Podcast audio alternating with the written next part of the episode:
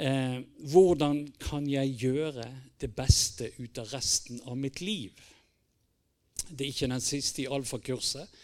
Det er den siste på Alfa Viken. Der holdes denne talen. Men det er den siste som er, er skrevet i boken, i hvert fall. Eh, vi skal ha alfakurs til høsten. Og Derfor har vi bestemt at vi gjør dette. Så vi går igjennom og vi forbereder oss litt med det til alfakurset. Så det, det, starter opp eh, på høsten. Akkurat datoen har ikke jeg akkurat nå, men følg med hvis noen har lyst til det. Jeg kan anbefale det på det varmeste å være med på alfakurs. D.H. Lawrence han har sagt det at hvis vi kunne ha to liv Det første hvor vi kunne gjøre sine feil, og det andre livet hvor en kunne høste av erfaring fra det første livet. Men slik er det ikke. Livet har ingen generalprøve. Vi går rett på scenen. Det er alltid en konsekvens av de valgene vi tar i livet. Og vi erfarer hva som er godt, og hva som ikke er godt for oss. Noen valg er gode, og vi kan leve som voksne og som eldre på de konsekvensene vi har av et godt valg vi tok tidlig i livet. På samme måte så kan vi leve med konsekvensene av dårlige valg vi har tatt. Spesielt overfor å feile, ja, kanskje dumme valg vi har tatt i livet, ser vi for det første virkelig Guds fantastiske nåde og kjærlighet. Og for det andre muligheten han gir oss til å begynne på nytt igjen. Ja, faktisk er det aldri for sent å begynne på nytt i livet. Selv om vi i livet kan ha tatt mange feile valg, er det mulig med Guds hjelp å gjøre noe godt med den delen av livet som er igjen. Hva er det vi trenger å gjøre? Og nå har vi nettopp hørt Liv Svaning lese teksten. Og jeg skal lese bare noen vers av det samme, for det er her. Dette er viktig. Og derfor er det vel vi får det to ganger i dag. Så hør Romane 12, 1 til 2. Nei, det visste ikke du. ja.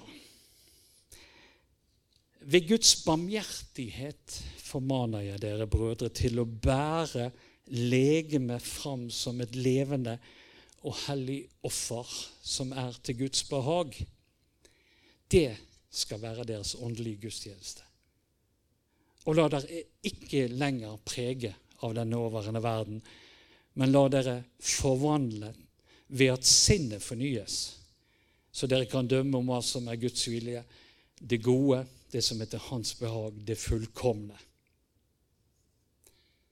Dette beskriver jo da egentlig for oss kjernen i det å være en kristen. Det å leve i troen. For det beskriver det som er Guds tanke og ønske for oss. Disse få setningene her er veldig fort gjort å lese. Men eh, vi kommer nok til å være opptatt med dette resten av livet vårt. For sånn er det. Vi blir her, her bedt om å gi oss helt til Herren. Vende oss bort fra verden som vi har vært i og lever i, og se på Jesus hver dag. Eller for å si det på en annen måte hele tiden ønsker han at vi skal ha blikket på han. Og samtidig søke å komme inn i den tette relasjonen som Gud ønsker å ha med hver enkelt av oss. Slik at vi finner det som er Guds vilje for våre liv. I Salmen 25, 14, som er et kjent vers for mange, står det Herren har fortrolig samfunn med dem som frykter ham. i pakten med ham får de rettledning. Så Gud vil oss bare godt. Og det er noe vi erfarer i vandringen med Han, og det har du sikkert erfart. For jeg vet hvilke tanker jeg har med dere, sier Herren, fredstanker og ikke ulykkestanker.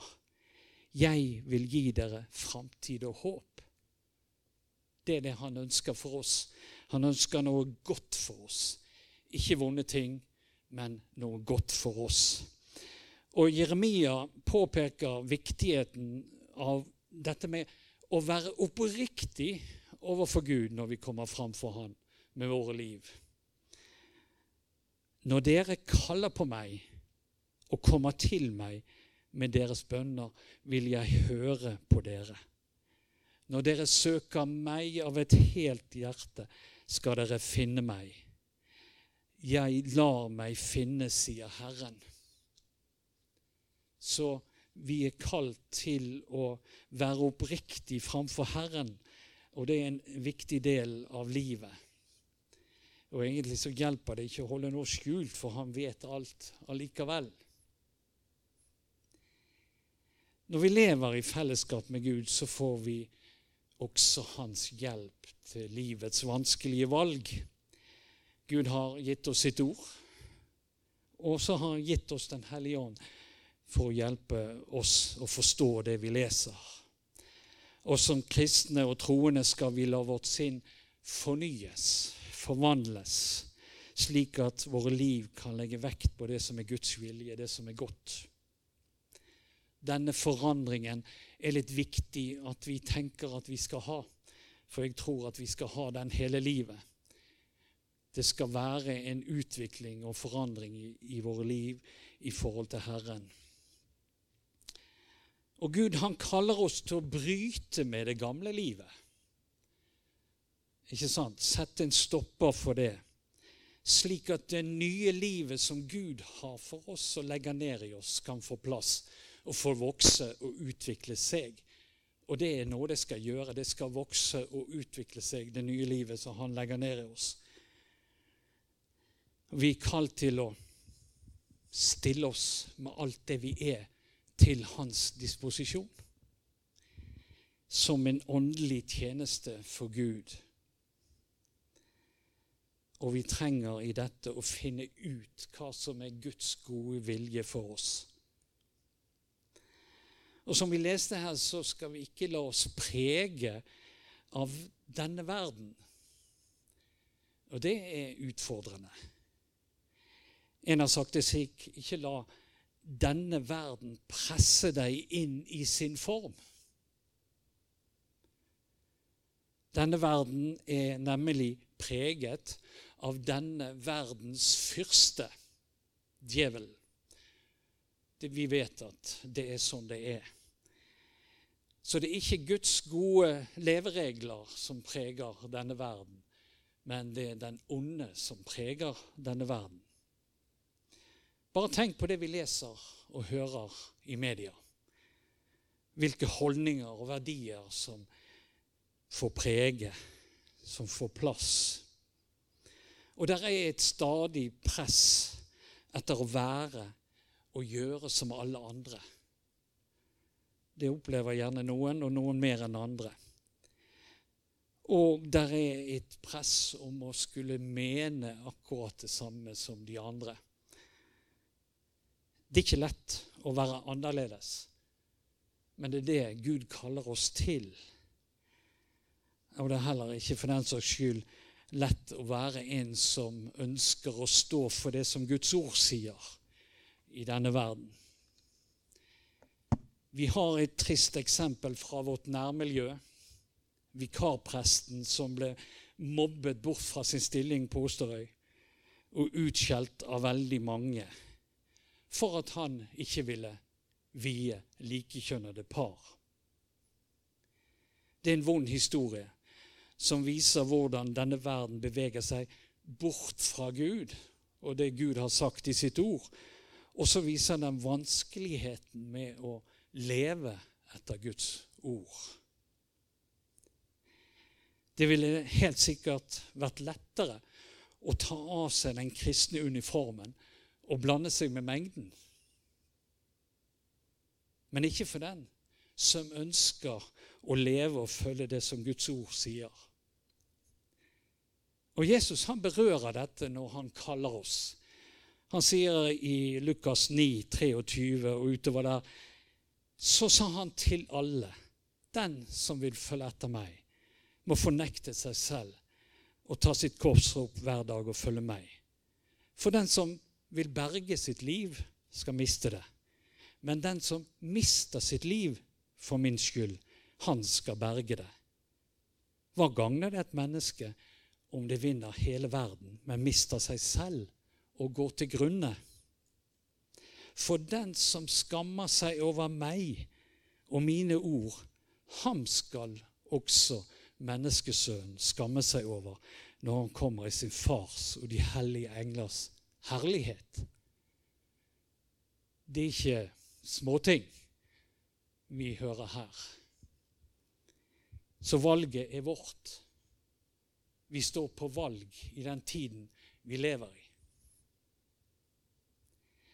Jesus elsker selvfølgelig både vikarpresten og de som mobber han. Og han vil at alle skal finne fram til hans godhet, til hans kjærlighet, til livet med han og til et evig liv. Det er Guds ønske. Og han strekker sin hånd ut og ber oss om å ta imot det. Jesus snakker med disiplene en gang om den tid som skal komme. Når fødselsveene begynner, står det i Matteus 24.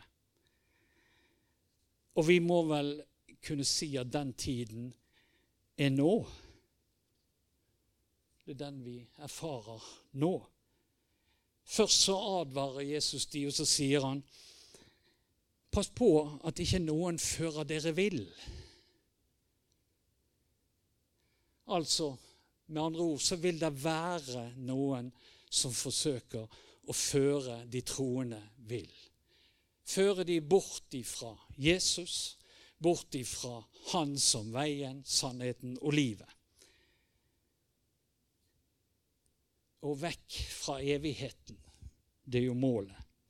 Dette er noe vi ikke må glemme i våre liv med Herren og med våre liv i denne verden at det vil være noe som vil føre oss bort fra, fra Gud. Og vi trenger derfor kunnskapen om Guds ord, som gjør at vi kan skjelne. Vi kan avgjøre, vi kan se det som er rett, og det som er uriktig. Det som er Guds tanke, og det som er denne verdens tanke. Dette trenger vi å få innarbeidet i vårt system, i vårt hjerte og i vårt hode. Og så fortsetter Jesus i denne samtalen med disiplene. Så sier han, og fordi lovløsheten tar overhånd, skal kjærligheten bli kald hos de fleste. Men den som holder ut til slutt, han skal bli frelst. Lovløsheten Jeg vet ikke om du har tenkt på hva det er. Men det er jo gjerne egentlig det som strømmer fram i samfunnet i vår tid, hvis du ser nøye etter. Det er et ønske om å leve fri for grenser og regler. Folk roper etter retten til å gjøre akkurat som de vil. Det er det vi ser rundt oss. Og respekten for andres mening den strekker seg bare så langt at det ikke går utover en selv. Denne verden og det samfunnet vi lever i, beveger seg vekk fra Gud. Og vi må passe på så ikke vi blir med på lasset. Det er sånn det er. Og det er dette Jesus advarer oss mot. Og han advarer disiplene når han sitter og snakker med dem. Vi trenger heller å oppmuntre hverandre til å holde oss nær til Jesus. Leve etter Guds ord og hjelpe hverandre med det som er vanskelig. Vi trenger ikke føle oss utenfor i denne verden. fordi vi tilhører. Vi tilhører menigheten, vi tilhører Guds rike, vi tilhører det evige liv. Vi har noe som er bedre enn denne verden. Det har Gud gitt oss. Og han bekrefter dette til Paulus i, i, i brev til menigheten i Efesos. Altså er dere ikke lenger fremmede og utlendinger, men dere er de helliges medborgere og tilhører Guds familie. Vi som ikke er av denne verden, vi tilhører Guds familie. Vi er brødre og søstre i Jesus Kristus, vår Herre, og barn av Gud, vår Far. Det er litt av en rett vi har fått. Det er fantastisk, og vi trenger ikke å frykte og være urolig. Og i hvert fall ikke føle oss utenfor, selv om samfunnet går en helt annen vei. Og Gud, han vil ha oss her. Han vil ha oss her for at vi skal få med oss så mange som mulig hjem til himmelen. Det vil han. Og derfor er vi her. Og Guds ord oppfordrer oss til å se på Jesus. Og jeg opplever og tror at jo nærmere vi kommer vår Herre, desto mer vil vi klare å ikke være preget av denne verden. Som vi leste i, fra Romane 12,1.: Ved Guds barmhjertighet formaner jeg dere brødre til å bære legemet fram som et levende og hellig offer som er til Guds behag. Det skal være deres åndelige gudstjeneste. Og da gjelder det hele legemet. Og hvordan gjør vi det? Jo, vi stiller oss til disposisjon. Vi ofrer oss selv og gir hele oss med alt det vi er, til Gud. Først vil Gud at vi skal ofre vår tid. Og kanskje er det behov for å endre litt på våre prioriteringer i livene våre. Vi lever i et samfunn som går fortere og fortere. Det kreves mer av oss. Som vi hørte i begynnelsen, vi blir presset hele tiden for alt vi må gjøre og være med på, osv. Og, og kanskje trenger vi å stanse opp og stille spørsmål til oss sjøl. Hva bruker jeg min tid på? Setter jeg av tid til Guds ord? til bønn,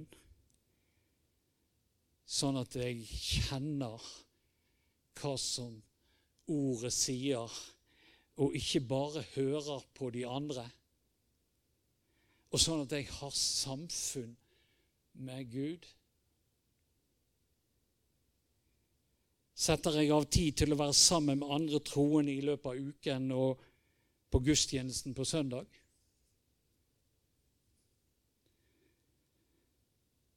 Videre så vil Gud at vi skal ofre våre ambisjoner ved å gi dem rett og slett til Jesus, slik at han kan få korrigere dem i forhold til det som er hans plan for våre liv. Vi kan ha ambisjoner som går på kollisjonskurs med det som er Guds tanke for oss. Og er du sikker på at du er på rett vei? Det kan være du må sitte deg ned og snakke med Herren om også disse tingene. Det betyr ikke nødvendigvis at han vil fjerne det som ligger der, og der du er på vei. Men det kan være at noe legges vekk, og andre ting forsterkes av det du holder på med. Gud, han vil at vi skal tjene Han. Søk først Guds rike og Hans rettferdighet. Så skal dere få alt det andre i tillegg. Vi vil ikke mangle noe om vi gir Gud kontroll over våre liv. Vi vil passe inn. Det er sånn det er. Så vil Gud at vi skal gi våre eiendeler og vår økonomi, som gjerne har en stor plass hos oss. Og Gud vil hjelpe oss til rett rekkefølge på våre verdier. Noen husker gjerne Cornelius Fresvik en svensk sanger. Han sang en liten strofe, eller en sang, da, men i dette her var det en liten strofe som er så sant, og som det er viktig for oss å huske på. Du kan ingenting ta med deg dit du går. Og det er noe å vite i forhold til det som har med verdier. Egypterne de grov ned sine mest verdifulle ting i graven med de døde. De ville ha det med seg videre. Men det er jo ikke sånn det er. Så når de graver opp gravene i dag, så finner de enorme mengder med verdier i gravene. Så han hadde rett, han Fresvik, som sa du kan jo få ikke det med deg noen steder. Og vi kommer jo til denne verden uten noe, og vi forlater han uten noe. Vi hører stadig mennesker som har vært døden nær, vitne om hvordan livet er blitt forandret. Fordi de opplevde at livet kunne ta slutt.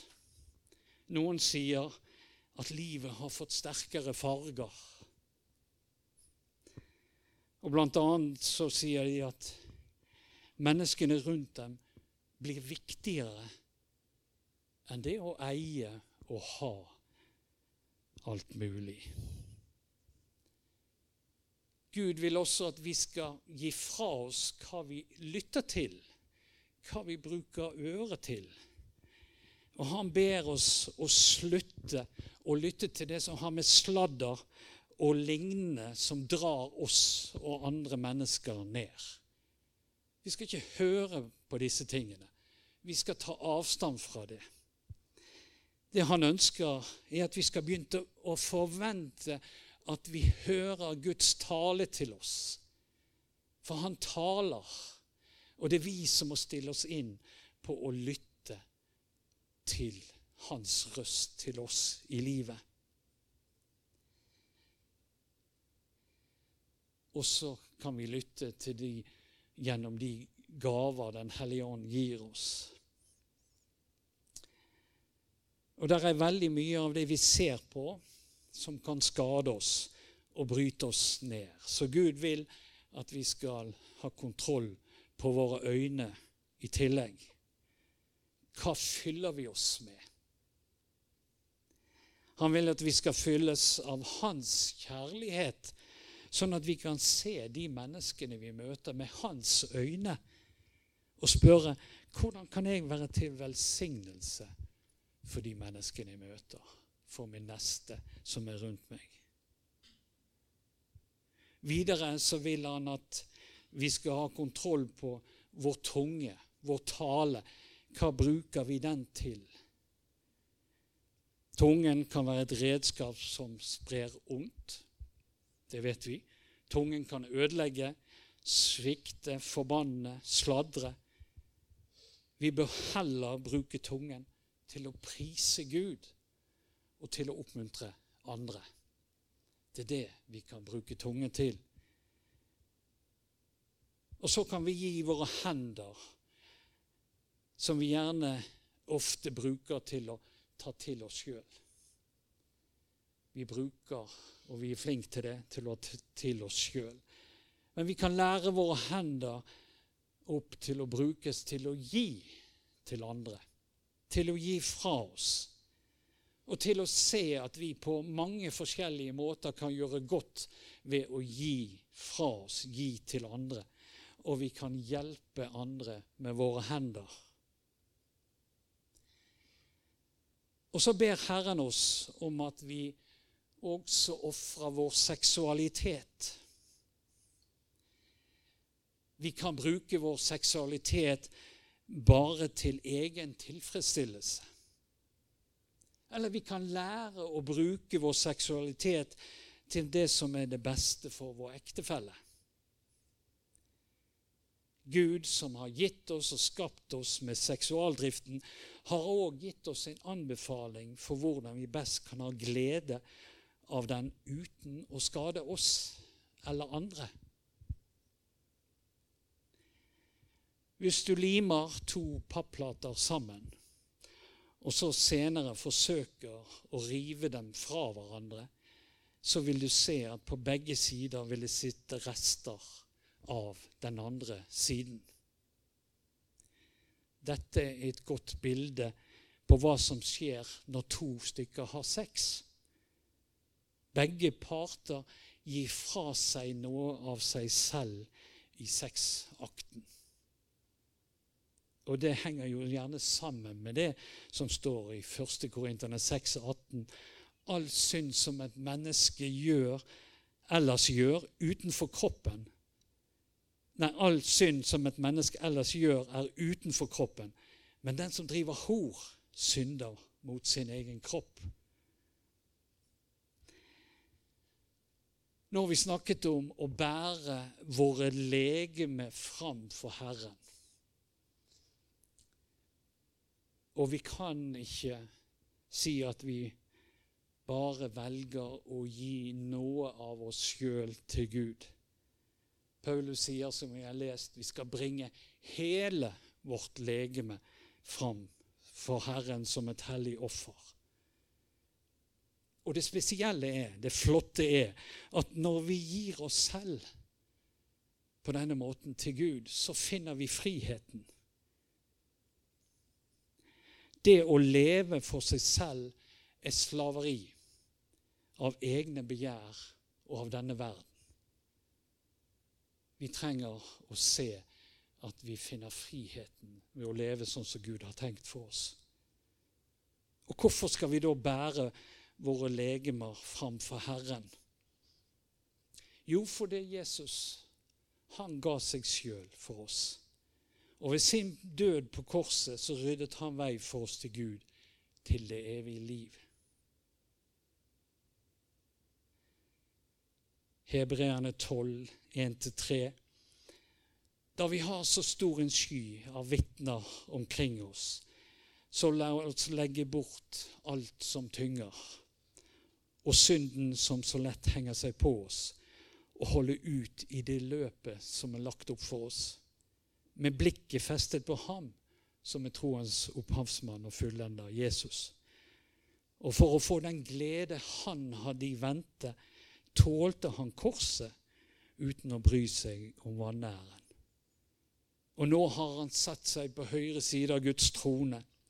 Ja, tenk på ham som holdt ut en slik motstand fra syndere, så dere ikke blir trette og motløse. Vi skal ha blikket på han gjennom livet vårt. Det er det vi trenger. Der trenger vi å være. Og Jesus har ikke lovet oss at hvis vi gir vårt liv til Han, så blir alt bare godt. Som en dans på roser, som vi sier. Men han har lovet å være med oss gjennom alt det vi møter i livet. Og med Guds kjærlighet, Jesus' eksempel og Den hellige ånds hjelp, så kan vi gå seirende inn i himmelen en dag der i framtiden. Og det å gå mot det målet må jo være det mest meningsfulle livet som går an å leve. Et liv som er gitt oss av Skaperen, og som passer oss perfekt. Og som har et mål som han har forberedt for oss i himmelen. Og Jeg vil avslutte med å sitere fra åpenbaringen. Så kan du løfte blikket ditt, og så kan du se framover på det som er der en dag. Og jeg så en ny himmel og en ny jord. For den første himmel og den første jord var borte, og havet fantes ikke mer. Og jeg så den hellige by, det nye Jerusalem, stige ned fra himmelen, fra Gud, gjort i stand og pyntet som en brud for sin brudgom. Fra tronen hørte jeg en høy røst som sa, Se, Guds bolig er hos menneskene. Han skal bo hos dem og de skal være hans folk, og Gud selv skal være hos dem. Han skal tørke bort hver tåre fra deres øyne, og døden skal ikke være mer. Heller ikke sorg, skrik og smerte, for det som før var, er borte. Dette har vi i vente, så la oss ha blikket på det i vårt liv her når vi vandrer. Herre, vi takker deg for at du har gitt deg sjøl til oss. Og Herre, du kaller oss til å gi oss selv tilbake til deg. Hele oss. Og jeg ber om nåde til det, Herre. Du ser der vi er i våre liv. Vi er på forskjellig plass, og vi har forskjellige ting som er utfordrende i våre liv.